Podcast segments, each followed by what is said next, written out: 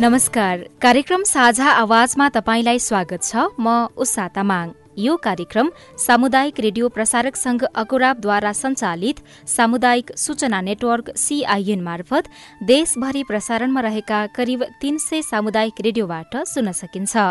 साथै फेसबुक पेजमा at the rate CIN खबरमा गएर पनि चाहेको बेला तथा मोबाइल एप सीआईएन डाउनलोड गरेर पनि सुन्न सकिन्छ। कार्यक्रममा हामी महिला बालबालिका तथा सीमान्तकृत समुदायको आवाज उठाउनेछौ। यो सँगै अरू विविध विषयमा पनि छलफल गर्नेछौं। आजको कार्यक्रममा हामी कोरोना विरूद्धको खोप अभियान कसरी चलिरहेको छ भन्ने बारेमा विविध सामग्री प्रस्तुत गर्नेछौं। गत दुई हप्ता यता कोरोना भाइरसको संक्रमण पुष्टि हुने दर बढ्दै गएको छ तर कोरोना विरूद्धको खोप लगाएकाहरूमा स्वास्थ्य जटिलता कम देखिएको भन्दै सरकारले खोप अभियानलाई तीव्रता दिएको छ। आजको कार्यक्रममा हामी काठमाडौँ उपत्यकाको तीन जिल्लामा चलिरहेको खोप अभियानका बारेमा कुराकानी गर्नेछौं। शुरूमा स्वास्थ्य तथा जनसंख्या मन्त्रालय अन्तर्गतको परिवार कल्याण महाशाखा अन्तर्गत खोप शाखाका प्रमुख डाक्टर सागर दाहालसँग डाक्टर सागर दाहालसँग देशभर चलिरहेको खोप अभियानका बारेमा कुराकानी गरेका छौं। अहिले हामीले जे खोप हामीले कोरोनाको विरुद्धमा उपलब्ध गराएका छौँ त्यो खोपले चाहिँ अहिले जति पनि देखिएका भाइरसका प्रजातिहरू छन् त्यो सबैलाई कोभिड उन्नाइस विरुद्धका कोभिड उन्नाइसका भाइरसका कुरा गर्दैछु म। ती सबै प्रजातिहरूलाई चाहिँ सङ्क्रमणलाई रोक्न नसके तापनि तिनीहरूले चाहिँ हस्पिटलाइजेसन हुने त्यस्तै गरेर तपाईँको यसबाट यो रोगबाट धेरै ग्रसित बनाउने र यो रोगबाट जुन जति पनि अरू अन्य जोखिमहरू छ त्यो जोखिमहरूलाई चाहिँ सुरक्षा प्रदान गर्छ भन्ने अहिलेको चाहिँ अहिलेसम्मको अध्ययनको निष्कर्ष चाहिँ त्यही हो। तसर्थ हामीसँग अहिले भएको यो यो महामारीको प्रकोपबाट जोखिने हामीसँग भएको अस्त्र भनेको चाहिँ खोप नै हो। र अहिले हेर्नुहुन्छ भने तपाईँको बाह्र वर्षभन्दा माथिका हरूमा हामीले खोप उपलब्ध गराइरहँदाखेरि चाहिँ अठासी प्रतिशतले चाहिँ दोस्रो मात्रा लिइसक्नु भएको पाइन्छ। यसको अर्थ यसरी हेर्दाखेरि करिब करिब अठार प्रतिशतले चाहिँ यो खोप चाहिँ लिन बाँकी रहेको देखिन्छ अझै पनि। त्यस्तै गरेर तेस्रो मात्रा पनि सरकारले उपलब्ध गराएको छ यो सबै बाह्र वर्षभन्दा माथिको लागि। त्यस त्यसको हामीले कभरेज हेऱ्यौँ भने चाहिँ उन्तिस प्रतिशत मात्रै रहेको छ। यसको अर्थ चाहिँ धेरै यस्ता व्यक्तिहरू हुनुहुन्छ जसले चाहिँ यो खोप प्राप्त गर्नुभएको छैन।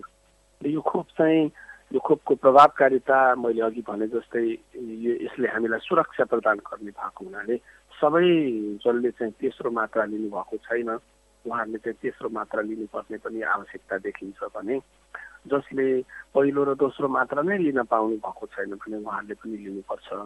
यसको लागि अहिले हामीले खोपहरू सबै ठाउँमा उपलब्ध गराएका छौँ र कतिपय सबै जिल्लाहरूमा सबै गाउँपालिकाहरूमा चाहिँ न्यूनतम पनि केही स्वास्थ्य संस्थाहरूमा सधैँ खोप अभियानहरू चलिरहेको छ।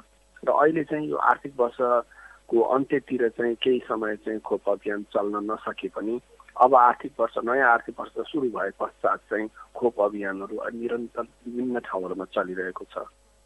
तसर्थ म सबै आम नागरिकहरूलाई जसले खोप लिनु भएको छैन त्यस्तो मात्र लिनुभएको छैन उहाँहरूलाई चाहिँ चाँडोभन्दा चाँडो गएर नजिकको स्वास्थ्य संस्थामा वडा कार्यालयमा जानुभयो भने यो खोपको बारेमा कहाँ चल्दैछ के छ भन्ने कुरा जानकारी पाइन्छ र म यो खोप लिनलाई अनुरोध गर्न चाहन्छु र विशेष गरी अहिले काठमाडौँको उपत्यकाको हकमा कुरा गर्ने हो भनेदेखि चाहिँ तपाईँको कतिपय ठाउँहरूमा चाहिँ मोबाइल भ्यानबाट पनि खोपहरू दिइराखिएको छ त्यस्तै गरेर विभिन्न तरकारी बजारहरूमा भिडभाड हुने ठाउँहरूमा पनि खोपहरू दिइएको छ र सम्पूर्ण स्वास्थ्य वडा को चाहिँ स्वास्थ्य कार्यालयहरूमा चाहिँ महानगरपालिकाले नगरपालिकाहरूले आफू मातहतको स्वास्थ्य संस्थाहरूमा चाहिँ खोप दिइरहनु भएको छ। यो तिन गतेदेखि छ गतेसम्म उहाँहरूले चाहिँ यो अभियानलाई चलाउनुहुन्छ। तसर्थ यो बेलाको मौकाको चाहिँ फाइदा उठाउनको लागि पनि म आम उपत्यकावासीहरूमा चाहिँ अनुरोध गर्न चाहन्छु जसले प्राप्त गर्नुभएको छैन उहाँहरूले गएर खोप लिनलाई अनुरोध गर्न चाहन्छु। विशेष गरी यो अभियानकै रूपमा चाहिँ कता कता चलिरहेको छ त्यो जानकारी गराइदिनुहोस् न। मैले तपाईँको सम्पूर्ण देशभरिकै कहाँ कहाँ चलेको छ भनेर भन्नु त्यति व्यवहारिक र पनि नहोला सम्भव पनि नहोला तर उपत्यकाको हकमा मैले अहिले मैले भर्खरै भने तर अन्यत्रको हकमा चाहिँ म आम जनसमुदायलाई के अपिल गर्न चाहन्छु भने तपाईँहरूले आफ्नो नजिकको वडा कार्यालय वा स्वास्थ्य कार्यालयमा सम्पर्क राख्नुभयो भने तपाईँहरूले कहाँ चलेको छ भन्ने जानकारी सजिलै पाउन सक्नुहुन्छ। बाह्र वर्षभन्दा माथिका नागरिकहरूले कोरोना विरुद्धको खोप सहजै पाउन सक्ने अवस्था देखिएको छ। त्योभन्दा कम उमेरका बालबालिकाहरूलाई कहिलेदेखि लगाउने तयारी छ? तपाईँले मैले अघि बाह्र वर्ष माथिको कुरा गरिरहँदाखेरि हामीले अहिले चाहिँ पहिलो मात्राको रूपमा करिब एक्काइस लाख भन्दा बढी बालबालिकाहरूलाई लक्षित गरेर पाँचदेखि बाह्र वर्षको बालबालिकाहरूको लागि पनि हामीले खोप चलाइसकेका छौँ र सञ्चालन गरेका छौँ र यो सञ्चालन गर्ने क्रममा चाहिँ हामीले अहिले चाहिँ अब दोस्रो चरणको अभियान जुन जसले पहिलो मात्रा लगाएको थियो जुन एक्काइस लाख जुन बालबालिकाहरूलाई तिनीहरूलाई दोस्रो मात्रा दिने बेला भएको छ। र यो अभियान पनि क्रमशः सबै जिल्लाहरूमा चाहिँ अहिले विद्यालयमा केन्द्रित रहेर चाहिँ अभियान चलिरहेको छ यो साउन दुई गतेबाट। तर कतिपय स्थानीय परिवेश अनुसार स्थानीय पालिकाले नगरपालिका महानगरपालिकाले चाहिँ आफ्नो अनुकूलतालाई हेरेर केही एक दुई दिन तलमाथि गरेको पनि हामी पाउँछौँ।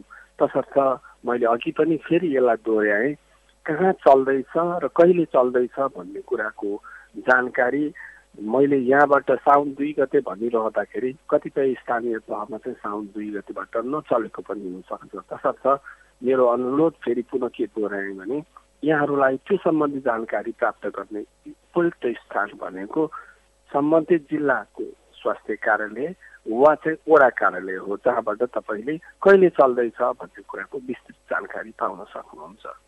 सत्ताइस जिल्लाका बालबालिकाहरूले पहिलो मात्रा खोप लगाइसकेका छन्। कोरोना विरुद्धको बाह्र वर्षभन्दा मुनिको कुरा गरिरहेको छु। यो सन्दर्भमा यो सत्ताइस जिल्लामा जति पनि बालबालिका छुटेका छन् खोप लगाउनको लागि उनीहरूले कसरी लगाउन सक्छन्? केही बालबालिकाहरूले जुन पहिलो चरणमा पहिलो मात्रा दिइरहेको बेलामा केही बालबालिकाहरू छुटेको पनि हुनसक्छ। कतिपय बिरामी भएको कारणले अन्य कारणबाट छुटेका हुन सक्छन् त्यस्ता बालबालिकाहरूलाई पनि अहिले फेरि अहिले चलेको अभियानमा पनि खोप त एउटै हो। त्यो खोप चाहिँ उपलब्ध गराउन सकिन्छ प्रदान गर्न सकिन्छ। त्यही प्राथमिकतामा राखेर स्वास्थ्य कार्यालयहरूले स्थानीय तहसँगको समन्वयमा चाहिँ अभियानहरू चलाउने हुन्छ यो कोरोना विरुद्धको खोप निश्चित समयपछि दोस्रो मात्रा त्यसको निश्चित समयपछि अतिरिक्त अर्थात् बुस्टर मात्रा लगाउन सक्ने पनि भनिएको छ। तर जो पहिलो चरणमा छुटेका छन् अलिकति केही समयपछि उनीहरूले दोस्रो पहिलो मात्रा लगाए उनीहरूले अब यो अभियान नचलेको समयमा दोस्रो मात्रा कसरी लगाउन सक्छन्? अभियान नचलेको बेलामा पनि खोप केन्द्रहरू नियमित रूपमा कतिपय तोकिएका ठाउँहरूमा सबै ठाउँमा अभियानको बेलामा चाहिँ धेरै ठाउँमा चल्छ एकैचोटि तर अरू बेलामा पनि नियमित रूपमा तपाईँको केही स्वास्थ्य संस्थाहरू हरेक स्थानीय तहले मेरो यो ठाउँमा चाहिँ सधैँ खोप पाइन्छ है भनेर खोप दिइरहेको अहिलेको अवस्था हो। तसर्थ त्यस्तो केन्द्रको बारेमा जानकारी लिनु पर्यो र त्यहाँ गएर खोप लगाउनु पर्यो। मैले काठमाडौँको हकमा कुरा गर्नु पर्यो भने कतिपय स्थानमा निरन्तर खोप चलिरहेको छ। जस्तै उदाहरणको लागि टेको अस्पताल भयो टिचिङ अस्पताल भयो महाराजको कुरा भयो। त्यस्तै गरेर तपाईँको पाटन अस्पतालमा नियमित खोप चलेको छ निजामती अस्पतालमा नियमित खोप चलेको छ प्रहरी अस्पतालमा छ सैनिक अस्पतालमा छ सशस्त्र प्रहरी अस्पतालमा छ। यसरी यी ठाउँहरूमा चाहिँ निरन्तर सधैँ नै खोप चलिरहेका छन्। यस्तै गरेर यो हरेक स्थानीय तहमा चाहिँ यस्ता ठाउँहरू तोकिएका ठाउँहरूमा खोप चल्ने गर्छन्। त्यो त्यसको बारेमा जानकारी लिनु पर्यो भने चाहिँ मैले अघि भनेको जस्तै स्थानीय तह वा वडा कार्यालयमा सम्पर्क गर्नु कोरोना विरुद्धको खोप अभियान चलिरहँदा बालबालिकाका लागि आवश्यक अरू खोपहरू पनि खोप सेवा प्रभावित नहुन् भन्नको लागि खोप आपूर्तिमा के कस्तो भइरहेको छ समन्वय? नियमित रूपमा खोपहरू जुन पन्ध्र महिना भित्रका बालबालिकालाई हामीले खोप दिन्छौँ। त्यो खोपहरू पनि निरन्तर चलि नै रहन्छ र त्यसको एउटा त्यसको एउटा एउटा पद्धति छ एउटा प्रणाली छ। जस्तो हरेक स्थानीय तहमा कहिले खोप चलाउने भन्ने कुरा तोकिएको हुन्छ। त्यसको पहिलेबाटै सूक्ष्म योजना बनाएको हुन्छ र त्यो अनुसार खोपहरू चल्छन् नै। र हामीले हरेक जस्तै जुनसुकै अभियान सञ्चालन गर्दाखेरि पनि त्यो खोप तालिका जुन छ नियमितको खोप तालिका त्यसलाई चाहिँ अवरुद्ध नगरौँ भन्ने हाम्रो प्रयत्न हुन्छ र हामीले त्यही अनुसारले स्थानीय तह र स्वास्थ्य कार्यालयहरूमा यही अनुसारको परिबन्ध मिलाएका हुन्छौँ। जस्तै मैले अघि भने नि हामीले यहाँ साउन दुई गतेदेखि खोप अभियान चलाउनुहोस् भनेर भनिरहँदाखेरि कुनै स्थानीय तहमा चाहिँ साउन दुई गतेदेखि नियमित खोप चलाउनु पर्ने अवस्था छ भने चाहिँ त्यतिखेर चाहिँ उहाँहरूले त्यो साउन दुई गते अभियान चलाउनुको सट्टा चाहिँ त्यो खोप नियमित खोप अभियानलाई प्रभावित नहुने गरी तलमाथि गरेर अभियानहरू चलाउनुहुन्छ। हामीले गर्ने गरेको परिपाटी चाहिँ यस्तो रहेको छ। उहाँ हुनुहुन्थ्यो स्वास्थ्य तथा जनसङ्ख्या मन्त्रालय अन्तर्गतको परिवार कल्याण महाशाखा अन्तर्गत खोप शाखाका प्रमुख डाक्टर सागर दाहाल। अब ललितपुरतिर लागौं। हामीले ललितपुरमा खोप अभियान कसरी चलिरहेको छ भनेर जिल्ला स्वास्थ्य कार्यालय ललितपुरका प्रमुख वरिष्ठ जनस्वास्थ्य प्रशासक सतीश विष्टलाई सोधेका छौं। अहिले चाहिँ अठार वर्षभन्दा माथिको जनसङ्ख्याको लागि बुस्टरको रूपमा हाम्रो आज चार गतिदेखि सुरु हुँदैछ। चार र पाँच हाम्रो महालक्ष्मी महानगरपालिकामा पाँच र छ हाम्रो महानगरपालिका अनि गोदावरी नगरपालिका कोन्जेसन यसरी चाहिँ हामी अगाडि बढ्दैछौँ। भनेदेखि अब हाम्रो पिरियडिक फाइजर पनि अहिले अब अस्ति बिचमा रोकियो। त्यो रोकेको कारणले गर्दाखेरि अब महानगर र महालक्ष्मीमा चलिसकेको छ। बाहेक तिनवटा गाउँपालिकामा पनि चलिसकेको छ। अलिकति गोदावरीमा मात्रै। आजसम्म आज एक दुई दिन चाहिँ नि छुटेका विद्यालयहरूमा चाहिँ नि चल्छ पाँच एघारको। र हामीले अस्ति भर्खरै हाम्रो जुन कोभिड रोग विरुद्धको खोप अभियानको जुन अनुगमन समिति छ हाम्रो सिडी साहबको अध्यक्षतामा त्यो मिटिङ बसेको थियो र त्यो अनुसार चाहिँ नि अब तुरुन्तै हाम्रो नौ गतिदेखि हाम्रो बाह्र के अरे बाह्र सत्रका जो बालबालिकाहरूलाई हामीले दुई मात्रा खोप दिइसकेका छौँ उहाँहरूलाई बुस्टर दिने योजना पनि नोकरीदेखि सुरु गर्ने भनेर त्यो निर्णय भएको छ र हामीले सम्बन्धित स्थानीय तहहरूलाई पत्रचार गरिसकेका छौँ। त्यसरी चाहिँ नि हाम्रो खोप अभियान चाहिँ नि अगाडि बढिरहेको छ। हजुर ललितपुरकै पनि अब यो महानगरपालिका महालक्ष्मी नगरपालिका भयो। अलिकति सहरी क्षेत्रतिर चाहिँ नि खोप अभियान प्रभावकारी रूपमा भयो तर अलिकति गाउँतिर जस्तै यो महाङ्काल गाउँपालिका लगायतका क्षेत्रमा चाहिँ समयमा खोप पुगेन भन्ने गुनासाहरू पनि आइरहेका छन्। त्यसलाई सम्बोधन गर्न चाहिँ के भइरहेको छ? हजुर यस्तो खोप नपुगेको भन्ने त होइन। त्यहाँ आज अझ हामीले अस्तिको पनि गर्दाखेरि पहिला सुरुमा अलिकति दुर्गमलाई प्रायोरिटी दिएर अनि त्यस पछाडि मात्रै हामीले त्यसरी गरेका छौँ होइन। खोप चाहिँ नि अब त्यहाँ एभाइलेबल चाहिँ छ। तर अलिक खालि अब उहाँहरू हामीले स्थानीय तहहरूसँग कुरा गर्दाखेरि पनि अब धेरै जस्तो पपुलेसन चाहिँ नि अब यता सहर बजारतिर हुने भयो भने हाम्रो जति एक्सपेक्टेड कभरेज चाहिँ यहाँदेखि छैन। तर हाम्रो त्यस्तो अब खोपै नपुगेको त्यहाँ त्यस्तो त छैन। जो बालबालिका यसअघि पाँच हामीले पाँच वर्ष माथि बाह्र वर्ष मुनिको बालबालिकाको कुरा गर्नुपर्दा जो बालबालिकाले पहिलो मात्रा लगाउन छुटेका छन् उनीहरूको लागि के छ व्यवस्था?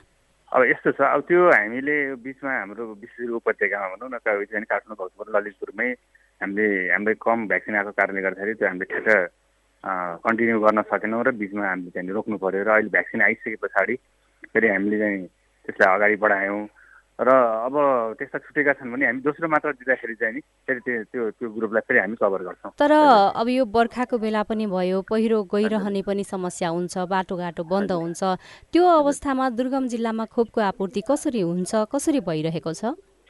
अब अलिकति अब त्यो समस्या अलिकति च्यालेन्ज चाहिँ नि छ तर अब हामीले अब स्थानीय तहलाई अब भएन भने हामीले यहाँबाट आफ्नो गाडीहरूबाट भए पनि त्यो त्यो खोपको त्यस्तो भनौँ न आपूर्ति नै बन्द हुने गरी चाहिँ नि अलिक कम नै अहिलेसम्मको त्यस्तो एकदमै गाह्रो भएको छैन। नभए हामीले चाहिँ नि बोकाएर भए पनि त्यो ठाउँहरूमा पुर्याउने त्यसरी चाहिँ गरिने गरेर गरिरहेको बालबालिकाहरूलाई फेरि पनि विद्यालयमै जानुहुन्छ अथवा जो छुटेका छन्? विद्यालयमै जान्छौँ। त्यो गर्दाखेरि छुटेकोहरूलाई चाहिँ नि हामी त्यहाँ क्याच गर्छौँ। र अर्को कुरो चाहिँ नि हामीले के भनेको छौँ भन्दा स्थानीय तहलाई त्यस्ता छुटेको हुन सक्ने त्यो चाहे अठार वर्ष माथिको होस् अथवा बालबालिका होस् त्यो चाहिँ स्थानीय तहले आफ्नो एरिया कहीँ इटाभट्टा होला कहीँ औद्योगिक क्षेत्रहरू होला त्यस्तो ठाउँहरूको विशेष ठाउँहरूको पहिचान गरेर जहाँ अलिकति हार्ट भन्छौँ हामी।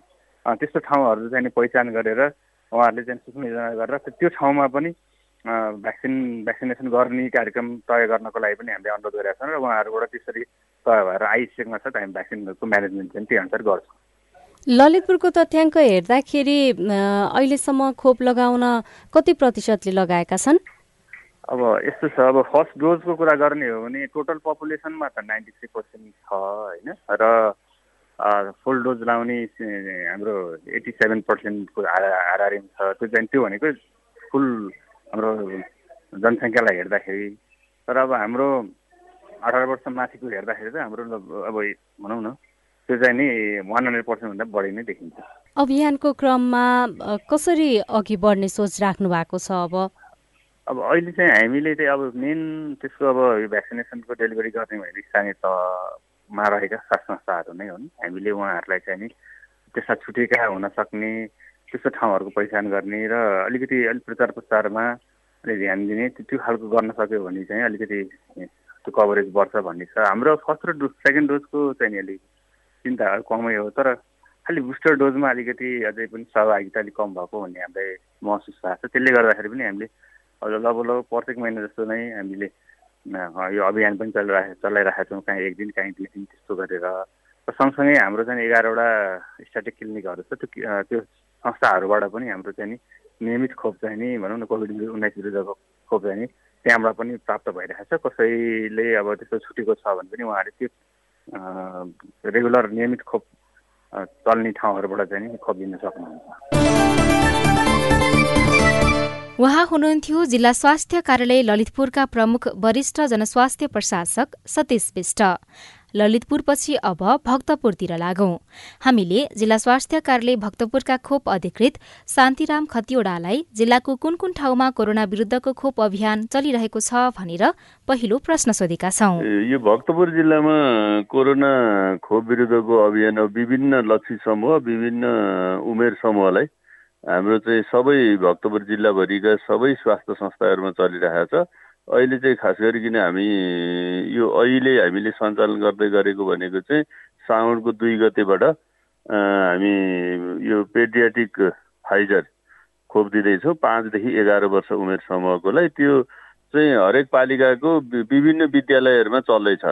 अस्ति हामीले चाहिँ बिचमा भ्याक्सिन एक लट चल्यो त्यो छुटेका बच्चाहरूलाई पनि दिँदैछौँ र त्यो त्यति बेला लगाएको बच्चाहरूलाई एक्काइस दिनपछि सेकेन्ड डोज भ्याक्सिन पनि चलिरहेको छ अहिले अब कोही व्यक्ति हुनुहुन्छ जो खोप लगाउन चाहनुहुन्छ कहाँ जाने भनेर अन्यल भइरहेको छ भने कहाँ जान सक्नुहुन्छ त्यो भनिदिनुहोस् न।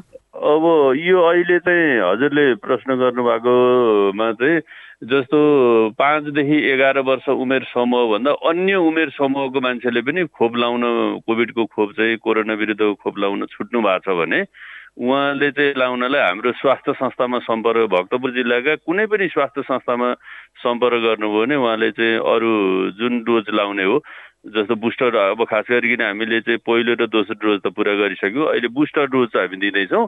बुस्टर डोजको लागि चाहिँ उहाँहरूले स्वास्थ्य संस्थामा सम्पर्क गर्नुभयो भने स्वास्थ्य संस्थाबाट खोप दिइराखेको अवस्था छ।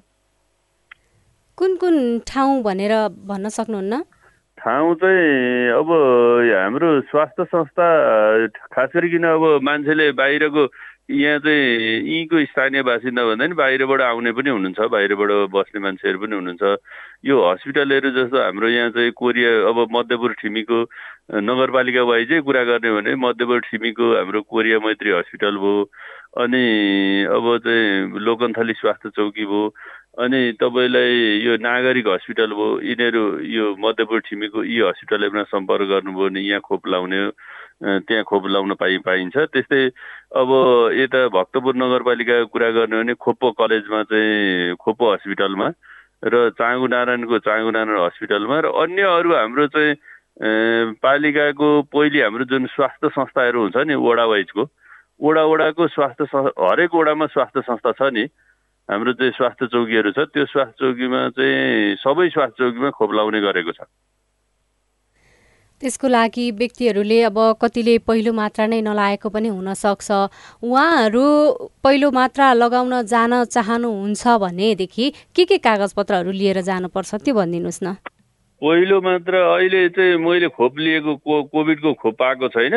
म पहिलो मात्र लिन्छु भन्नुभयो भने पनि उहाँको लागि कुनै कागज लिएर जानु पर्दैन। अब छ उहाँसित भने अब उमेर खुल्ने उमेर समूह खुल्ने चाहिँ कागज जस्तो अब नागरिकताको परि नागरिकताको पत्र भयो अरू अन्य परिचय पत्र भयो अब लाइसेन्सै भयो अन्य अरू कुनै भन्न नसक्ने मान्छेलाई नभए अहिले खास त्यस्तो हामीले चाहिँ अन्य अरू डकुमेन्टहरू अहिले कुनै पनि खोजिँदैन।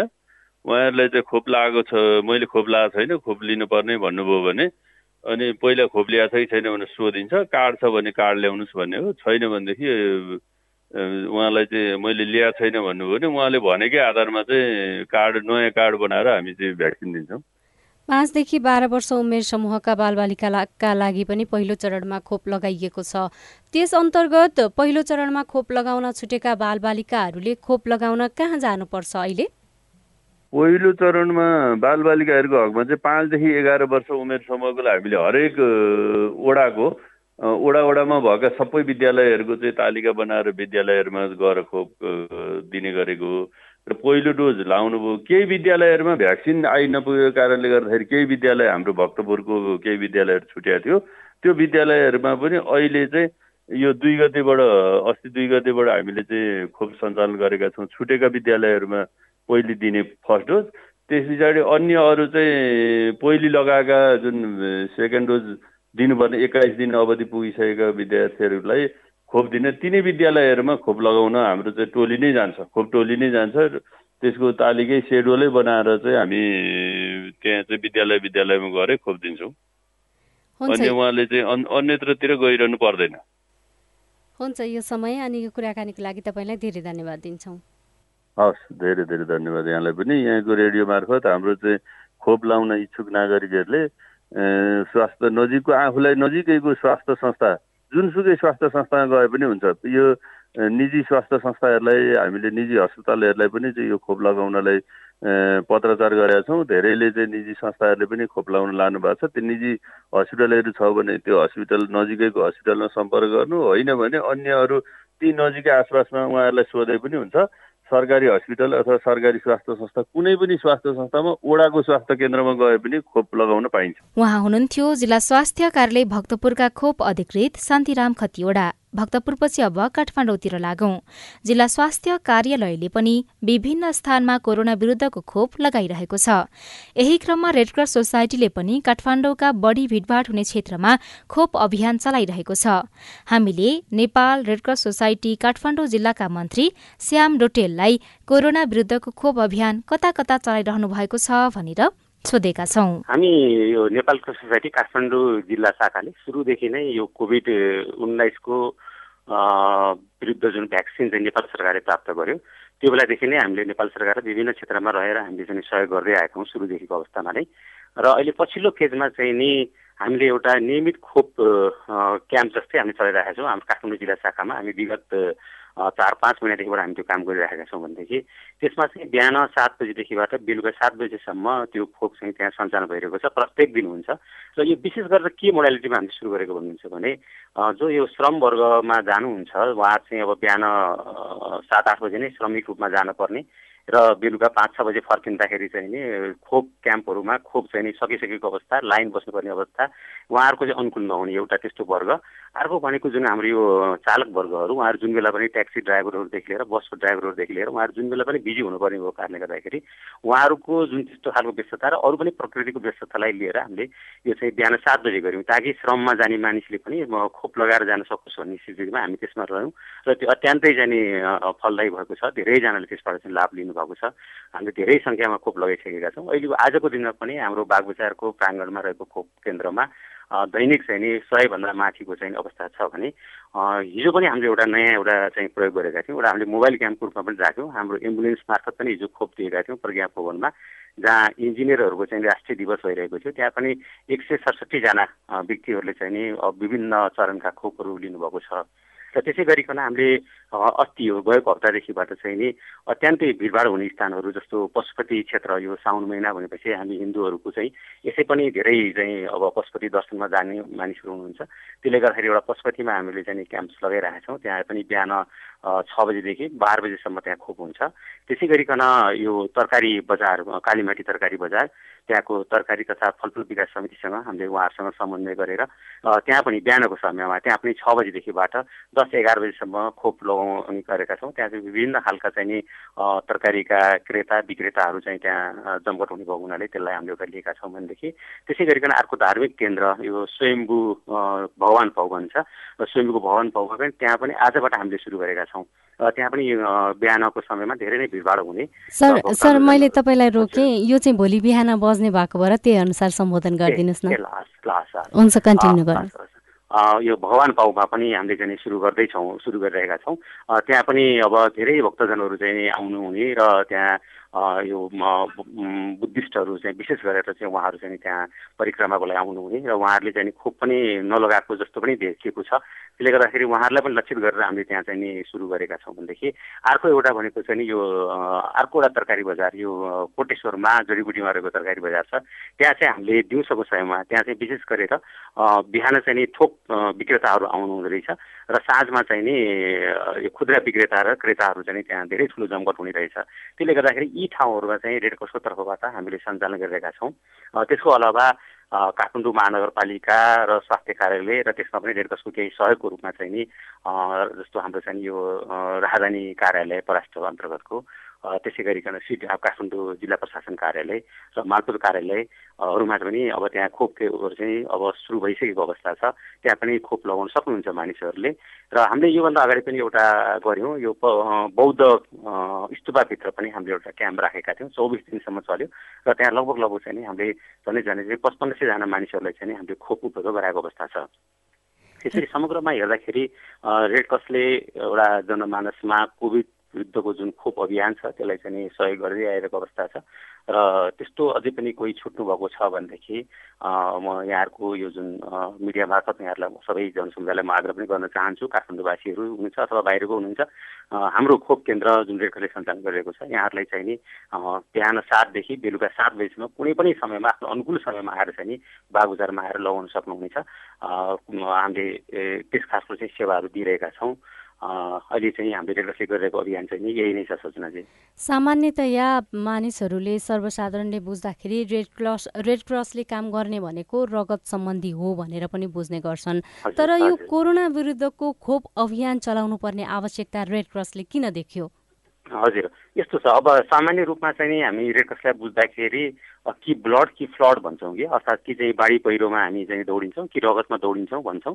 तर त्यो मात्रै छैन। अब रेडक्रसले विभिन्न खालका चाहिँ अभियानहरू गरिरहेको छ। सामान्य सामान्य विकास निर्माणका कार्यक्रमहरू गरिरहेको छ। विपद सम्बन्धी प्रतिकार्यका कार्यक्रमहरू पनि गरिरहेको छ। यो अब त्यही अन्तर्गतको यो विपद र महामारीमा हामी पनि काम गरिरहेका छौँ जस्तो अहिले पनि हामी काठमाडौँमा यहाँहरूलाई थाहा छँदैछ कि झाडा बान्ता अथवा हैजा चाहिँ देखिएको छ।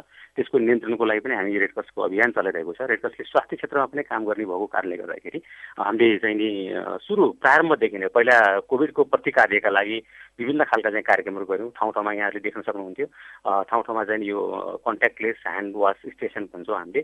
त्यो खुट्टाले थिचेर चाहिँ साबुन पानीले हात धुने अब मास्क वितरण गर्ने कार्यहरूदेखि लिएर अब ठाउँ ठाउँमा सेनिटाइजरहरू राखेर चाहिँ नि पब्लिकलाई चाहिँ नि अवेरनेस गर्ने। ती सबै कामहरू हामीले सुरुको दिनमा गऱ्यौँ। जुन बेलामा चाहिँ नि हामी पहिलो लेयरमा थियौँ कोभिडको। जब हामी यसको भ्याक्सिन आयो भ्याक्सिन आइसकेपछि स्वास्थ्य कार्यालय काठमाडौँसँग चाहिँ उहाँहरूले पनि हामीलाई एउटा अनुरोध गर्नुभयो। त्यो हामीले पनि हाम्रोसँग भोलिन्टियर र हाम्रो पनि दाता जुन पार्टनरहरू हुनुहुन्छ उहाँहरूले पनि ठिक छ नि त यसमा रेडक्रसले सहयोग गर्दाखेरि राम्रै हुन्छ भन्ने कुरा सोचेपछि हामी आखिरी जसरी पनि सरकारको लक्ष्य भनेको पनि जनसमुदायलाई सेवा दिने हो र रेडक्रस भनेको पनि सरकारको एउटा सहयोगी अङ्ग हो। त्यसले गर्दाखेरि चाहिँ नि हामीले अब सरकारलाई सहयोग पनि कुनै पनि प्रकारका विपद र महामारीजन्य कामहरूमा चाहिँ हामी काम गर्न सक्छौँ सजनाजी। तपाईँहरूले जहाँ जहाँ अभियान चलाइरहनु भएको छ जुन जुन ठाउँमा कोरोना विरुद्धको खोप लगाइरहनु भएको छ त्यो ठाउँमा कोही व्यक्ति गएर कोरोना विरुद्धको खोप लगाउन चाहन्छ भने उसले के के कागजपत्र लिएर जानुपर्छ? एकदम राम्रो कुरा गर्नुभयो यहाँले। यो चाहिँ कस्तो थियो भने सुरुको चरणमा नेपाल सरकारले पनि कुनै एउटा परिचय खोल्ने कागज मागेको थियो। र उसको एज खोल्ने पनि त्यो पनि मागेको थियो तर त्यसले गर्दाखेरि कतिपय ठाउँहरूमा तपाईँ हामीलाई थाहा छ हाम्रो कतिपय ठाउँमा चाहिँ नि अब नागरिकताविहीन मानिसहरू पनि हुनुहुन्छ शरणार्थीहरू पनि हुनुहुन्छ काठमाडौँमा त्यस्तोहरूले पनि खोपबाट वञ्चित हुनुभयो अब त्यस्तो नागरिकता छैन शरणार्थी छ भनेर त्यसलाई चाहिँ अब हाम्रो यो महामारीले नसुने भन्ने कुरा त आउँदैन। त्यो कुरालाई हामीले चाहिँ किसिमले चाहिँ नि लबी गऱ्यौँ एडभोकेसी गऱ्यौँ र पछिल्लो चरणमा आइसकेपछि अहिले नेपाल सरकारले चाहिँ नि त्यस्तो खालको कुनै पनि डकुमेन्ट्सको आवश्यकता पर्दैन। यदि उहाँहरूको चाहिँ अब पहिलो खोप लगाउनु भएको छ भनेदेखि उहाँहरूसँग कार्ड हुन्छ यदि उहाँहरूसँग कुनै पनि खोप लगाउनु भएको छैन भने कार्ड छैन भने पनि रेड क्रसमा आउनुभयो भनेदेखि उहाँहरूले दिएको सूचनाको आधारमा हामी कार्ड बनाइदिन्छौँ। र उहाँहरूलाई हामी भ्याक्सिन लगाइदिन्छौँ। हामीले कुनै पनि त्यस्तो खालको डकुमेन्ट्स खोजेको छैनौँ। म यसमा तपाईँलाई एउटा जोड्न चाहन्छु केही समय अगाडि मैले अहिले उल्लेख गरेँ यो बौद्ध स्तुपामा हामीले खोप अभियान सञ्चालन गर्दाखेरि अनुभव प्राप्त गरेका छौँ। बौद्धमा अब धेरै जस्तो चाहिँ नि हाम्रो चाहिँ टिबेटन समुदायका मानिसहरू रहने उहाँहरूले एउटा भाषाको समस्या पनि र अर्को कुराहरू त्यहाँ अलिकति शरणार्थीहरू पनि रहनुभएको अवस्था देखियो। अब उहाँहरूलाई विभिन्न खालको अब खोप लगाउन जाँदाखेरि चाहिँ नि अब सरकारी डकुमेन्ट पेस गर्नुपर्ने अब गर्न अरू खालको डकुमेन्ट पेस गर्दाखेरि उल्टै चाहिँ कानुनी झन्झटमा परिन्छ कि भन्ने खालको डरले पनि खोप लगाउनु भएको रहेनछ तर हामीले उहाँहरूको त्यो डरलाई चाहिँ उहाँहरूकै भाषा बुझ्ने मान्छेबाट इन्टरप्रेटरबाट चाहिँ नि उहाँहरूलाई हामीले सम्झाएपछि त्यहाँ थुप्रो चाहिँ त्यो हाम्रो जुन यो टिबेटन मिलका साथीहरू हुनुहुन्छ उहाँले धेरैले चाहिँ त्यहाँ खोप लगाउनु भयो। त्यसले गर्दाखेरि रेड क्रसले चाहिँ त्यस्तो खालको डकुमेन्टेसन मागेको छैन। उहाँहरू चाहनुहुन्छ भनेदेखि खोप लगाउन चाहनुहुन्छ भनेदेखि खोप प्रदान गर्न सकिन्छ। कहिलेसम्म यो अभियान जारी रहन्छ? हामीले अहिले यो पछिल्लो फेजमा कोरोना बढेको कारणले गर्दाखेरि हाम्रो जुन जिल्ला शाखामा सञ्चालन भएको क्लिनिक छ खोप क्लिनिक छ त्यो चाहिँ हाम्रो सेप्टेम्बर महिनासम्म जारी रहन्छ तिन महिनासम्म थप रहन्छ। र अन्यत्र चाहिँ नि अब एक महिनाको हामीले चाहिँ लक्ष्य लिएका छौँ। यो पशुपतिमा एक महिनासम्म रहन्छ कालीमाटी तरकारी बजार र यो बौद्ध स्तुपामा एक महिनासम्म चाहिँ हामी रहन्छौँ। र अर्को कुरा के हुन्छ भने यो साउनको पन्ध्र गतेबाट चाहिँ नि काठमाडौँ भ्यालीको यो नेवार समुदायमा चाहिँ गुला पूजा भन्छ। र जुन त्यो पूजाको क्रममा धेरैजना यो काठमाडौँवासीहरू चाहिँ नि स्वयम्भू परिसरमा वा स्वयम्भूमा त्यहाँ घुम्नु जानुहुन्छ। त्यसले गर्दाखेरि त्यहाँ साह्रै भिडभाड हुने र त्यो भएको कारणले गर्दाखेरि पनि हामीले त्यो पर्वलाई पनि हामीले चाहिँ लक्ष्यमा राखेका छौँ भने अब यो त्यसपछि अब धेरै चाहिँ नि चाडबाडहरू अब हाम्रो आउन लाग्यो तिजहरू आउन लाग्यो। त्यसले गर्दाखेरि पनि यो अब धेरै जमघट हुन्छ धेरै ठाउँमा जमघटहरू हुने अवस्था छ। त्यस्तो जमघट हुने ठाउँमा चाहिँ नि हामीलाई खबर भयो भनेदेखि हामी हाम्रो एम्बुलेन्स मार्फत मोबाइल क्याम्प उहाँहरूको त्यो जहाँ स्थान छ एकै दिनलाई भए पनि दुई दिनलाई भए पनि हामी त्यसरी पनि सञ्चालन गर्न हामी तयारी अवस्थामा छौँ। हामीलाई सूचना प्राप्त भयो भनेदेखि हाम्रो रेड क्रसको टिम चाहिँ नि त्यहाँ गएर खोप लगाइदिन्छ। उहाँ हुनुहुन्थ्यो नेपाल रेडक्रस सोसाइटी काठमाडौँ जिल्लाका मन्त्री श्याम डोटेल। साथी सजना तिमल सिन्हासँग कुरा गर्दै यो सँगै हामी कार्यक्रमको अन्त्यतिर आइपुगेका छौं। आजको विषयवस्तु तपाईँलाई कस्तो लाग्यो? कार्यक्रममा कस्ता विषय उठान गर्नुपर्ला? हामीलाई सुझाव दिन सक्नुहुनेछ। हाम्रो आइभीआर नम्बर शून्य एक बान्न साठी छ चार छमा फोन गरेर आवाज रेकर्ड गराउन सक्नुहुन्छ। साथै हामीलाई Facebook page community information network सीआईएनमा गएर पनि आफ्ना कुरा लेख्न सक्नुहुनेछ। हामी तपाईँको प्रतिक्रिया पर्खिरहनेछौ। आजलाई कार्यक्रम साझा आवाजबाट प्राविधिक साथी सुभाष पन्तसँगै उषा तामाङ विदा हुन्छु। नमस्कार।